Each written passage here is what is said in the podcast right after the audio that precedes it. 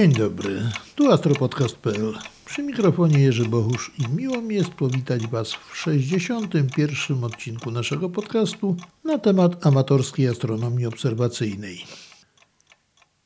I już zaczął się lipiec. Niepostrzeżenie połowę roku mamy już za sobą.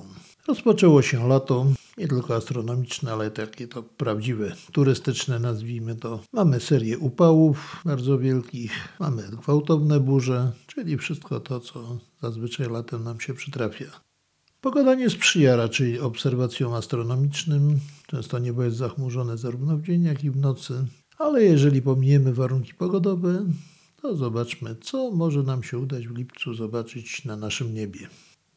Dni są jeszcze bardzo długie, chociaż powoli już zaczynają się skracać, natomiast noce nieznacznie wydłużają się już. Słońce też coraz niżej będzie górowało południe, ale mimo wszystko do obserwacji Słońca warunki będą bardzo dogodne. Tym bardziej, że Słońce ostatnio wykazuje dosyć sporą aktywność i można podziwiać na nim grupy plam i pochodni, a bardziej zaawansowani obserwatorzy oczywiście mogą to zliczać, wyznaczać liczby Wolfa, liczby planotwórcze i wysyłać do odpowiednich organizacji wyniki swoich dokonań obserwacyjnych. Jak najbardziej oczywiście zachęcam do obserwacji Słońca, ale jednocześnie przypominam o zabezpieczeniu wzroku.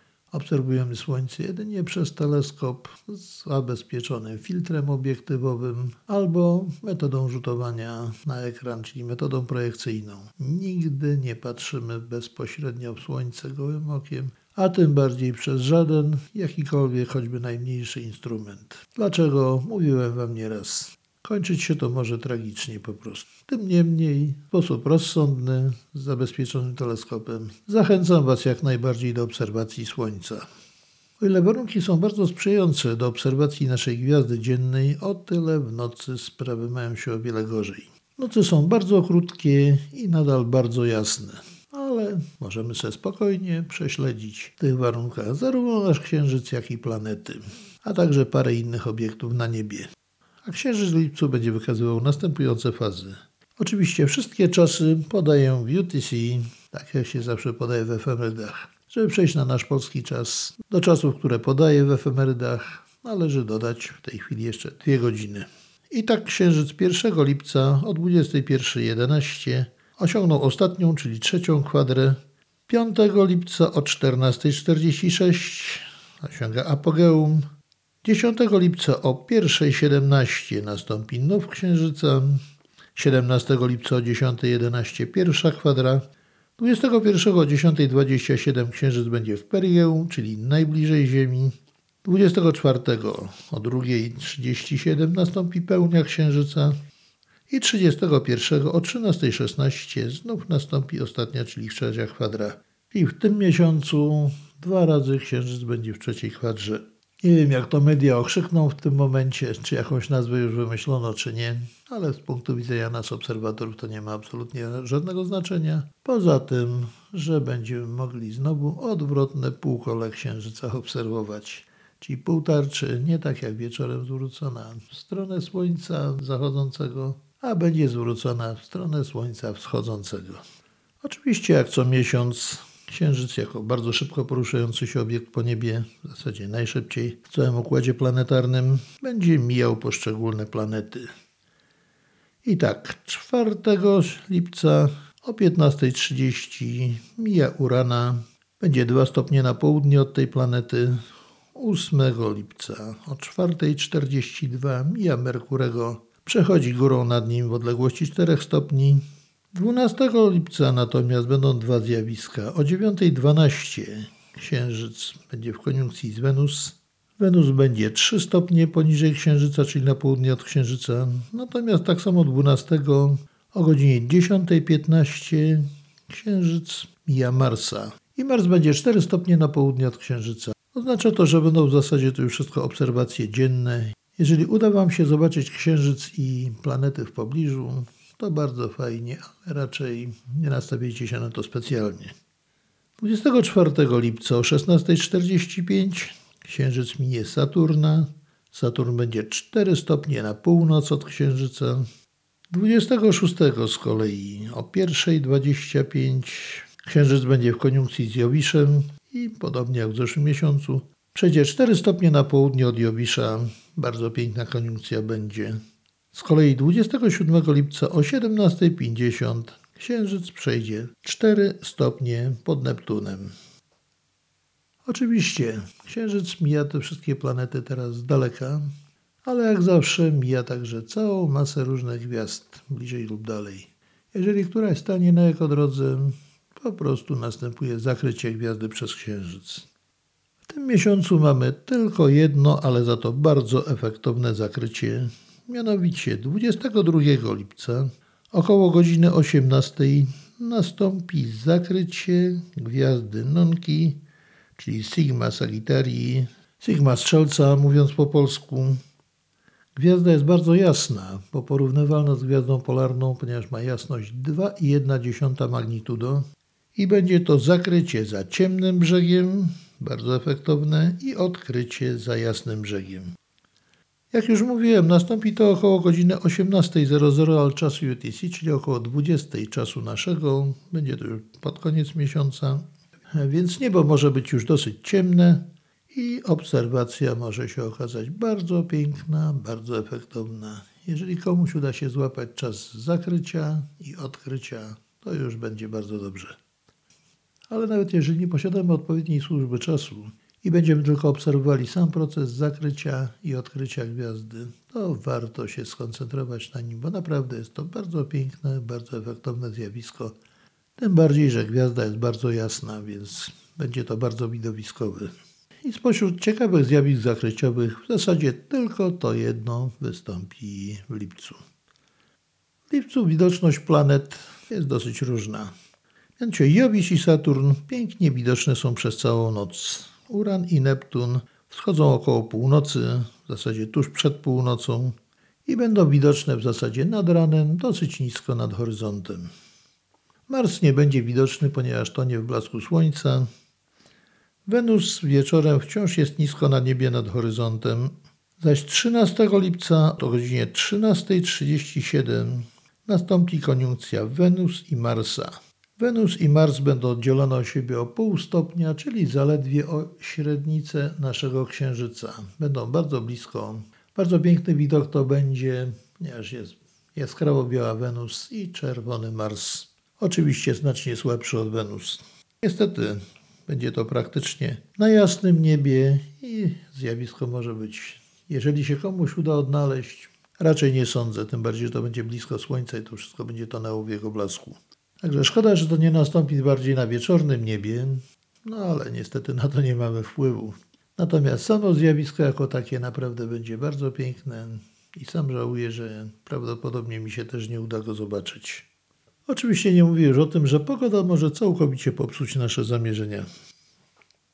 Merkury jest widoczny na porannym niebie, a 4 o 20 a maksymalną elongację zachodnią wynoszącą 21 stopni i 33 minuty, czyli jest dosyć daleko od Słońca.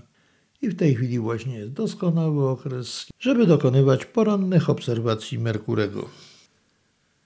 Z jasnych planetoid do 10 magnitudo w lipcu widoczna będzie numer 1 Ceres około 10 magnitudo, numer 6 Hebe magnitudo maksymalne osiągnie 8,4, a także planetoida 89 Julia jasności około 9,8 magnitudo i planetoida 349 Dębowska, która też osiągnie około 10 magnitudo.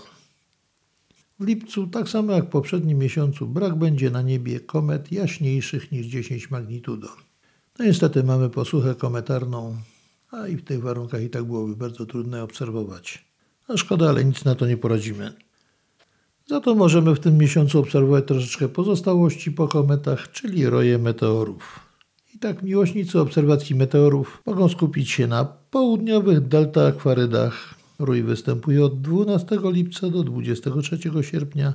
Maksimum roju przypada na 30 lipca, a średnia liczba godzinna powinna wynosić około 25 meteorów na godzinę. Czy się tyle uda zobaczyć, czy nie, nie wiemy, ponieważ roje bywają różne, raz rzadziej, raz gęściej, zależy na jakie zagęszczenie cząstek meteorowych Ziemia trafi w danym momencie podczas przechodzenia przez niego. Ten rój meteorów znany już jest od bardzo dawna, bo od starożytności. Po raz pierwszy chyba został opisany w Chinach w 714 roku przed naszą erą. Oprócz tego jeszcze możemy zwrócić uwagę na Picinis austrinidy, czyli rój meteorów mający swój radiant w gwiazdozbiorze ryby południowej. Występuje on od 15 lipca do 10 sierpnia, maksimum 28 lipca, a liczba godzinna zaledwie 5 meteorów na godzinę, więc jest raczej to niezbyt bogaty rój. Podobnie jak Alfa Capricornidy, czyli rój mający swój radiant w gwiazdozbiorze koziorożca, występujący od 3 lipca do 15 sierpnia, maksimum tak samo ma 30 lipca i tak samo zaledwie 5 meteorów na godzinę. Prawdopodobnie da się w nim tylko zaliczyć. Także jak widzicie, zbyt bogatych rojów meteorowych nie będzie, ale jeżeli kogoś interesuje obserwacje gwiazd spadających, to czemu nie? 25 na godzinę to już jest całkiem niezły wynik. O ile oczywiście komuś uda się do tego doliczyć. I to było w zasadzie wszystko, co możliwe jest do zaobserwowania w prosty sposób w naszym układzie słonecznym. A z obiektów głębszego nieba warto zaobserwować maksimum Miryt, czyli gwiazd zmiennych długookresowych. I tak 8 lipca ma maksimum V Pegaza. Jej jasność osiągnie w momencie maksimum 8,7 magnitudo, lecz w momencie minimum spada do 14,4 magnitudo zaledwie. A okres zmian jasności, czyli od maksimum do maksimum, wynosi 302,4 dnia. 10 lipca maksimum osiągnie także R Country, czyli R Raka, mówiąc bardziej po polsku, osiągnie jasność 6,8 magnitudo, a w minimum jej jasność nie spada wcale aż tak bardzo, bo tylko do 11,2 magnitudo. Okres zmienności tej gwiazdy wynosi 361,6 dnia, czyli prawie równy rok. Natomiast 23 lipca R Virginis, czyli R Panny, osiągnie jasność 6,9 magnitudo, a w minimum spada jej jasność do 11,5 magnitudo, czyli też nie, nie aż tak bardzo nisko. Natomiast ma ona bardzo krótki okres pomiędzy poszczególnymi maksimami, bo zaledwie 145,6 dnia. No i z gwiazd zmiennych warto jeszcze obserwować nową Cassiopeii 2021, albo jak teraz ma oznaczenie katalogowe V1405 Cassiopeii. Oczywiście to oznacza, że to jest 1405 gwiazda zmienna w gwiazdozbiorze Cassiopeii. Ostatnio, jak omawiałem o niej w poprzedniej audycji, osiągnęła jasność 6,5 magnitudo i teraz w bardzo krótkim czasie jej jasność gwałtownie spadła aż do 8 magnitudo praktycznie. Tym, że w samej końcówce rozrzut jasności wizualnych jest bardzo duży. Nie wiadomo, co tam się dzieje, ale można powiedzieć, że na razie idzie w dół. Jak utrzyma się ten trend, zobaczymy. Mam nadzieję, że niebo się wreszcie w nocy zacznie rozchmurzać. Będę mógł ją bez, bezpośrednio obserwować i wtedy już na bieżąco będę wiedział nie tylko z danych ze świata, ale także z własnych obserwacji, jak wygląda jej jasność, jakie ma parametry. A na razie, z tego co widzę, idzie ostro w dół, więc dzieją się tam dziwne rzeczy i bardzo ciekawe. Jeżeli ktoś ma możliwość, proponuję obserwować tą gwiazdę. Przydatna będzie do tego dobra lornetka albo mały teleskop, zwłaszcza jeżeli będzie tak ostro szła w dół. Oczywiście można jeszcze całą masę innych obiektów obserwować, ale w lipcu będzie to raczej mało skuteczne i bardzo utrudnione. Jak już mówiłem, jasne noce, krótkie noce. Co prawda pod koniec miesiąca będą już odrobinę ciemniejsze, odrobinę dłuższe, ale za to będziemy mieli pełny księżyca. Więc raczej niewiele obiektów głębokiego nieba uda nam się zobaczyć. Ale zawsze można próbować przynajmniej te najjaśniejsze, czyli jasne galaktyki, gromady kuliste, jasne mgławice planetarne, jak chociażby pięknie teraz prezentująca się, będąca prawie w zenicie mgławica planetarna w Lutni. Bardzo piękna, bardzo efektowna i na tyle jasna, że widać ją już w niewielkim teleskopie, a także masę wszystkich innych obiektów, co tylko nam wpadnie w obiektyw teleskopu. Możemy sobie przeglądy nieba robić, dokonywać własnych odkryć, oczywiście znanych już obiektów, ale nieznanych nam. To wszystko przed nami, wszystko możemy sobie obserwować, aby tylko pogoda nam dopisała. A z tą pogodą ostatnio jest troszeczkę nie za bardzo, ale zawsze należy mieć nadzieję, że będzie lepiej.